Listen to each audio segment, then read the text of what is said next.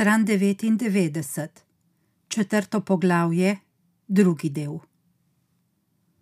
Prvi dan po očetovem izginotju, 5. marca 1992, je mama preživela na telefonu, jaz pa sem v svoji sobi poslušal Ganse in v premoru med dvema komadoma na kratko prisluhnil njenim pogovorom, preveril ton njenega glasu. Nisem verjel, da se je očetu kaj zgodilo, bil sem prepričan, da je samo nekje zaglavil. Tam doli se je začenjala vojna in pijančevanja so tu gori dobivala nov zagon. Očetovi prijatelji so utapljali svoj strah za življenje staršev, bratov in sester, in z njimi se ni bilo več lahko prebiti do zadnje runde. Zato se mi je zdelo, da mama pretirava in da bi se, če jo že tako zelo skrbi, namesto da kliče teto Majo in strica Daneta, Irfanovo ženo Rufijo, policijo, spet Daneta in Majo, urgenco, pa še Danila, Romana in ne vem koga vse še, morala sprehoditi do Emone in do Borsalina, kjer so očetov ponavadi izmerili umestni čas na poti iz službe do doma. Zvečer sem, malo da bi pomiril mamo, malo zato, da je ne slišim že 163 ponoviti, da Safeta že od včeraj zjutraj ni bilo doma, krenil v akcijo. Bil je to moj prvi tur de bar v življenju in obredel sem drugega za drugim vse lokale v naselju, tiste, v katere je oče redno zahajal, in tudi tiste, kamor ne bi vstopil, niti če bi ga mrtvo pijanega nesli noter. Srečal sem nekaj njegovih prijateljev, tudi Irfana, a ga nihče ni videl, ne slišal. Irfan je prepričal natakarico Jasmino, da sta iz Borsalina poklicala Ramiza, Nihada in Branka, tako da sem lahko po mami poslušal še Irfana, kako njihovim trem ženam na enako zaskrbljen način pojasnjuje, da Safeta že od včeraj zjutraj ni bilo domov in naj mu sporočijo, če bodo karkoli izvedeli. Potem si je Irfan naročil novo Viljamovko. Reci mami, nek se ne sekira, vrati će se on, čim propije sve, što se mora propit. Ko sem se vrnil domov, je bila mama na telefonu, a ni ničesar več razlagala. Le poslušala je in odsotno kimala. In ko me je zagledala, je rekla, da mora prekiniti, in je odložila slušalko, še preden bi ji glas na oni strani lahko oporekal. Pejt greva, na policijo. Na policiji so nama rekli, naj naj ne skrbi, da bo oče verjetno sam prišel nazaj, da je sicer prav, da sva prijavila izginotje, a da glede na to, da ni bilo v preteklih dneh nobene nesreče, kjer bi ponesrečenec ustrezal opisu Safeta Dizdarja, ni nobenega razloga, da bi predvidevali, da se mu je kaj zgodilo. Verjetno se je samo kje zataknil, gospa, je mami rekel starejši policist, ki ni kazal pretiranega zanimanja za najno zgodbo. Mama mu je trikrat ponovila, da oče včeraj po službi ni prišel domov in da nihče ne ve, kje je, preden si je policist to tudi zapisal. Ti ljudje se radi kje zataknejo, je rekel. Bil sem še premajhen, da bi razumel, kaj je hotel reči, mama pa ga je še predobro razumela. Z mize je pograbila spenjač in ga z vso silo zabrisala van. Barabe pokvarjene, je tulila, barabe. Vi se radi kje zataknete, vi ste vsi nekam zataknjeni. Dva policista sta jo zgrabila in jo odvlekla proti izhodnim vratom. Tretji pa je pristopil k meni, me čvrsto prijel za roko in zadržal ob sebi, dokler ni bila mama zunaj.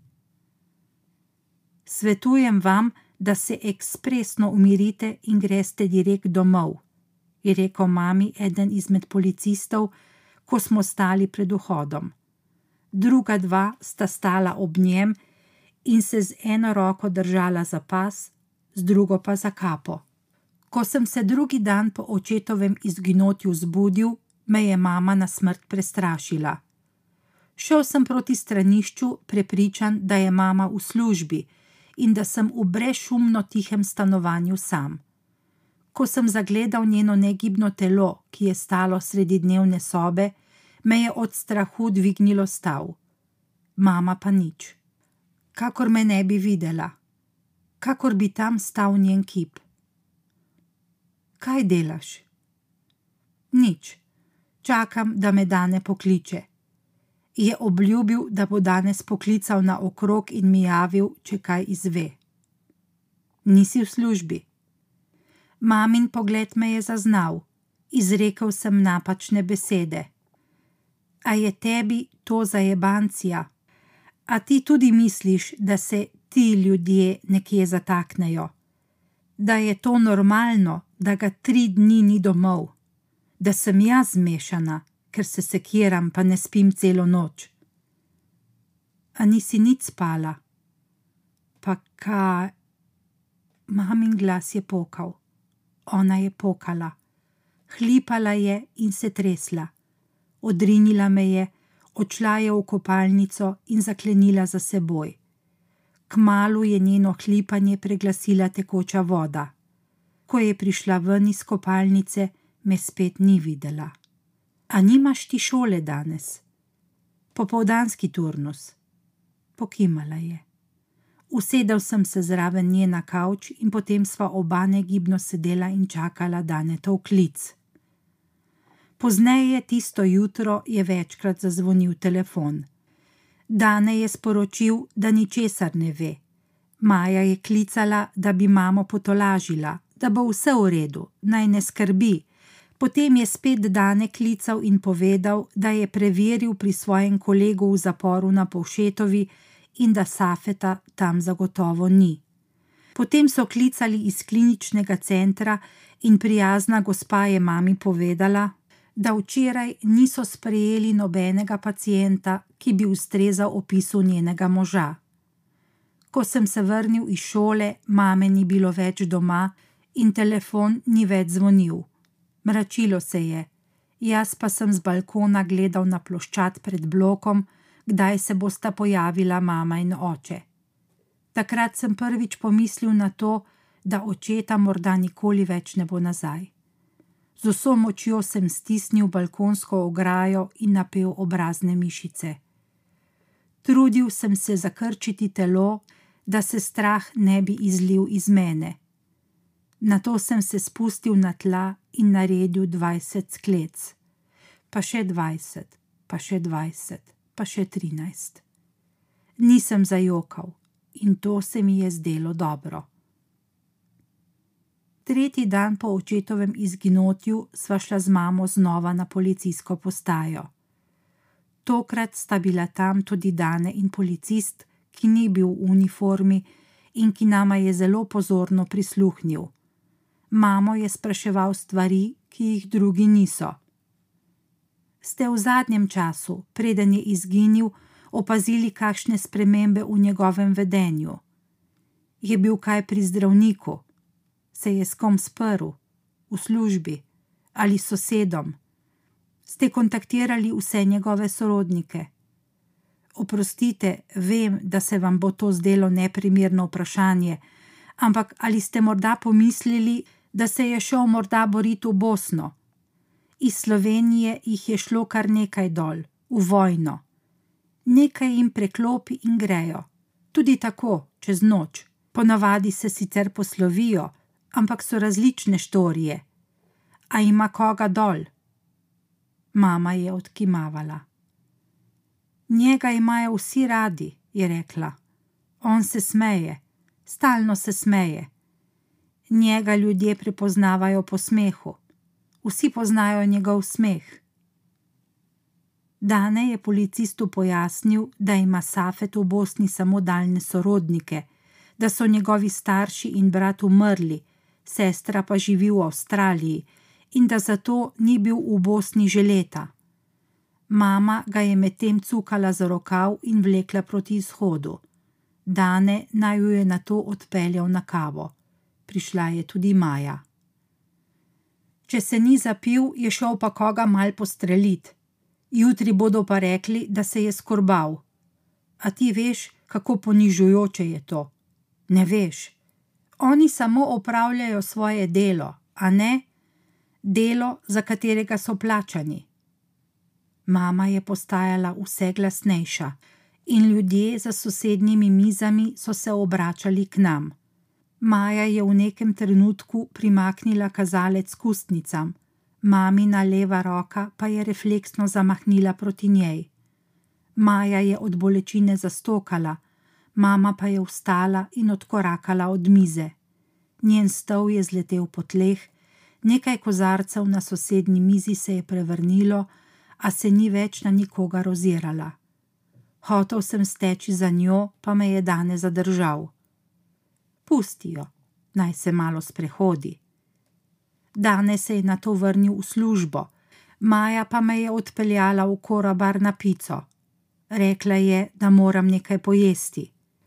V dobri uri, kolikor sva preživela skupaj, je moja teta z mano spregovorila le nekaj stavkov, ki so bili še najbolj podobnim tistim, ki jih je policist, ki ni bil v uniformi, postavljal mami.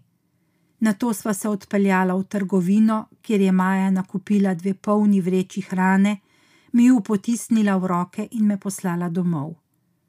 Pospravi te stvari v hladilnik, so bile edine besede, ki jih je mama spregovorila tisti večer. Četrti dan po očetovem izginotju se je šla mama detektivko in sva šla k očetu v službo, v Kolinsko. Mama je zdrvela mimo vratarja in skoraj tekal sem za njo po dolgih hodnikih do njegove pisarne. Ljudje so se obračali, hoteli so ji kaj reči, a je bila prehitra in so lahko le obstali in gledali za nama. Za očetovo mizo je sedela debela gospa z debelimi očali, ki je, ko je mama vstopila v pisarno, ne mudoma ustala in se ji umaknila. Vsi v pisarni so utihnili, telefon je zvonil, a ga ni nihče dvignil. Mislim, da je zvonil vse čas, ko sva bila tam. Mama je premetavala stvari na očetovi mizi, odpirala in zapirala je predale, dolgo je prebirala papirje, ki jih je našla v omari za mizo, na to je zasliševala očetove sodelavce, ki so ji voljno odgovarjali, ponujali kavo, klicali sodelavce iz drugih pisarn, ji ponujali naj sede, ji sami pripovedovali o očetovih zadnjih dneh v službi. In neka gospa v zelenkastem kostimčku je rekla, da se jim je zdel oče tisti popoldan, ko so ga na zadnje videli, malce bolj tih, ampak je takoj dodala, da je bil tak dan. Moški, ki je bil edini v obleki in je bil najbrž očetov šef, je rekel, da so ga klicali z policije in da je govoril z vsemi, a da nihče nič ne ve, da so že pregledali mizo, a niso našli nič takšnega. Mama je kimala in stresala stvari iz predalov na mizo in pregledovala vsak list posebej. Dve gospe sta ji pomagali, da je izpraznila omaro, in potem so vsi skupaj, kakih pet ali šest ljudi, pregledovali pisarniške potrebščine, odpirali so celo škatlice s ponkami za spenjače, prazne kuverte in fascikle. V pisarni s štirimi mizami se je sčasoma zbralo več kot dvajset ljudi, in vsak med njimi je želel biti koristen, vsak je želel pomagati. Gospa Zdenka, ki je od vseh najdlje delala z očetom in sem jo tudi najbolje poznal, me je tako močno stisnila k sebi, da sem mislil, da me ne bo nikdar več izpustila. Na to se je množica, zbrana okoli očetove delovne mize, začela razmikati in videl sem mamo, kako se prebija skozi njo. Greva, je rekla. Ko sem se na hodniku ozrl nazaj proti očetovi pisarni, sem videl povorko, ki je hodila za nama, kakor na pogrebu. Pomislil sem, da ti ljudje nekaj vedo, a nama nočejo povedati. Dvajset ljudi se je s polžjo hitrostjo premikalo po hodniku, kako bi bili privezani drug na drugega, z enako pokvečeno držo, z enako otožnimi pogledi. Enako so vlekli noge po tleh in enako so molčali. Potem sva šla še na urgenco in mama je kazala reševalcem očetovo sliko, dokler naj v ni pleša zdravnik prosil, naj se pobereva ali pa bo poklical policijo. Stran 105 Peti dan po očetovem izginotju je mama pred jutrom končno zaspala. V predsobo sem si prinesel stol, zaprl vrata dnevne sobe, se usedel zraven telefona in ga dvigoval, takoj ko je zazvonil, da se mama ne bi zbudila. Ljudje so zdaj klicali in spraševali, kako sva ali kaj potrebujeva. Klicale so mamine sodelavke, ki so želele preveriti, ali je res, da očeta še niso našli. Govorile, da je to grozno, in puščale pozdrave za mamo. Klicale so mame mojih sošolcev, klicali so ljudje, ki jih nisem poznal, in se predstavljali za mamine in očetove prijatelje. Soseda Minka pa je prišla kar na vrata, da bi vprašala, kako je z mamo, in mi v roke potisnila pekač, poln pite. Zakaj me nisi zbudil? Si zmešan. A veš, koliko je ura? je govorila mama, ko je šla mimo mene proti kopalnici. Kako si me lahko pustil spat, pizda, jadran, pa saj nisi več otrok, je govorila, ko je šla iz kopalnice. Kaj je to? je vprašala, ko je na tleh pod mojimi nogami zagledala Minkin pekač spito. Minka je prinesla. Kaj? A sem? Pozvonila je in prinesla pito. Ljudem se je zmešalo. Pa kako si ga lahko kar na tla odložil? Saj bi skoraj stopila ven. Klicali sta Jožica in Dunja, te pozdravljata. Pa kaj me to briga, kaj mi to pomaga? Pizda, vse zanima, kako sem. Kako čem pa biti? Noben nič ne ve, noben ni nič videl, noben nič, kar izginjuje, in noben ga ni videl, pizde ignorantske. Dane vedno vse pozna, pa vsi so njegovi kolegi, zdaj pa naenkrat nič ne more. Jebe se njim za vse. Daj mi koste pite odtrgaj, prosim. Hvala. Zakaj nisi v šoli? Ja, saj vem popoldanski turnus. Kdaj greš od doma? Ob dvanajstih. Ob dvanajstih. Borut je rekel, da ne hodi v službo, da si lahko doma, kolikor hočeš, da ti je neža uredila bolniško. Vsi se obnašajo, kot bi bil že mrtev, pizde jedne privoščljive. Noben ga ne išče, noben ga ne išče, noben, noben ga ne išče. Tisti dan nisem prišel do šole. Iz bloka sem zavil desno in šel do Emone in Borsalina, in potem sem šel do vseh lokalov v naselju. Vstopal sem v postane prostore in preiskoval zadimljene kote, in natakari so me spraševali, koga iščem, a jim nisem odgovarjal, ampak sem se samo obrnil in šel naprej, do naslednjega zakajenega prostora dokler mi jih ni zmanjkalo. Ko sem šel mimo trgovin, sem gledal skozi izložbe, ali je kje slučajno očetov obraz, in na ulici sem gledal ljudi, ki so hodili mimo. Vse sem jih pogledal, in oddaleč mu je bilo nekaj moških podobnih, in sem čakal, da pridejo bliže, ali pa sem jim, če so hodili pred menoj, sledil, dokler se jim nisem dovolj približal in videl, da imajo sive lase ali pa brado. Potem sem v daljavi zagledal nekoga, ki je hodil tako, kot je hodil oče. Bil je daleč in hodil je proti avtu. Bal sem se, da se bo usedel in se odpeljal, preden bi si ga ogledal, in sem stekel proti njemu. Kakšnih sto metrov sem tekel, in ko sem pritekel, je še vedno stal ob avtu in nekaj jemal iz prtljažnika. Nič ni bil podoben Safetu Dizdarju. Starejši je bil in imel je okroge obraz. Safet Dizdar pa podolgovatega. Zato sem stekel naprej in nekaj časa sem tekel, ne da bi se ozrl okrog sebe. Potem sem hodil ob reki in gledal sem na to in na ono stran reke, gledal sem, ali je na bregu naplavljeno truplo, kot v filmih. Videl sem očeta, kako pada z mostu in kako ga reka odnaša. Hodil sem vse hitreje, da bi čim prej pregledal vso rečno obalo, in potem sem že spet tekel in se mi je zdelo, da vidim truplo, a je bila le črna polivinila stavreča. In sem tekel naprej, vse do gradu, in sem tekel pod mostom, in še naprej proti polju, in potem sem se ustavil in gledal, kako očetovo truplo voda nosi naprej proti zalogu in še naprej. Nisem mogel več teči, poti ob reki ni bilo več, pa tudi zmračilo se je. Šesti dan po očetovem izginotju je poklical Irfan.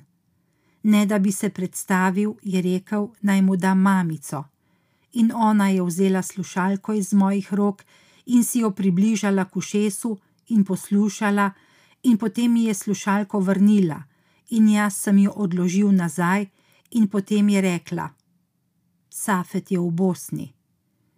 In zauzdihnila, in zaprla oči, in potem se je naslonila name, in tako sva stala sredi predsobe, in nisem si upal premakniti se.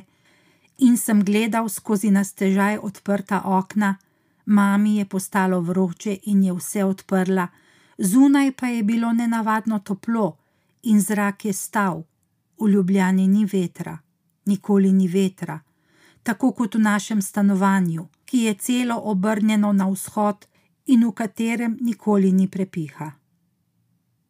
V Bosni je, samo to vem, je rekla mama ko je odprla oči. Vzela je telefon v roke in si slušalko prislonila k ušesu. Začela je obračati številke. Moram poklicati Majo, pa policijo, pa v službo.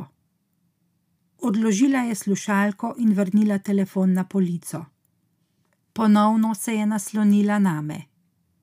Samo enkrat smo bili vsi skupaj v Bosni, sem pomislil, v Bihaču. Nisem se mogel spomniti, zakaj.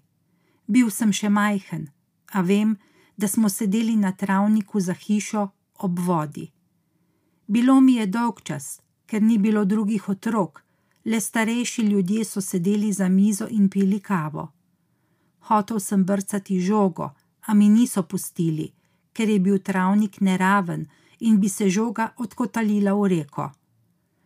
Tako so mi govorili, jaz pa njim, da bom pazil, a nihče ni imel potrpljenja za me, in so mi vzeli žogo in rekli, naj se usedem.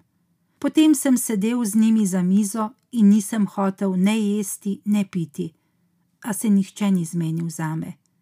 Prihajali so in odhajali neznanci, oče pa se je pozdravljal z njimi, resen, bolj resen kot ponavadi. Mogoče je kdo umrl, a se nisem mogel spomniti, kdo. V spominu sem videl le sebe, ki užaljeno sedim ob očetu, ki vse čas ustaja in se objema in poljublja z meni tujimi ljudmi. To je bila za me Bosna. In ko je mama rekla, da je Safet v Bosni, je bil on spet tam, za mizo na poševnem travniku. Spet se je obnašal, kot da me ni ob njem, spet je bil neki drug, resen človek, in jaz sem ga cukal za rokav in mu govoril, da hočem, da greva domov. Nisem ga maral takšnega, nisem maral tega očeta v Bosni, očeta, ki govori drugače, ki sedi drugače, ki pije kavo, ki je doma nikoli ne pije. Moj oče je bil edini bosanec, ki ni pil kave, a v Bosni jo je pil. Tam so jo postavili preden in mu jo natočili in on nič ni rekel, samo glasno je srkal iz male skodelice, ki se je izgubljala med njegovimi velikimi prsti. Pokliči Majo in ji reci, da je Safet živ in zdrav, da je vse v redu, da je v Bosni. Ne, pusti, bom jaz, malo kasneje. Ali pa daj ti. Ne, ni treba, samo en kozarec vode mi prinesi, bom jaz poklicala. Bom kar zdaj.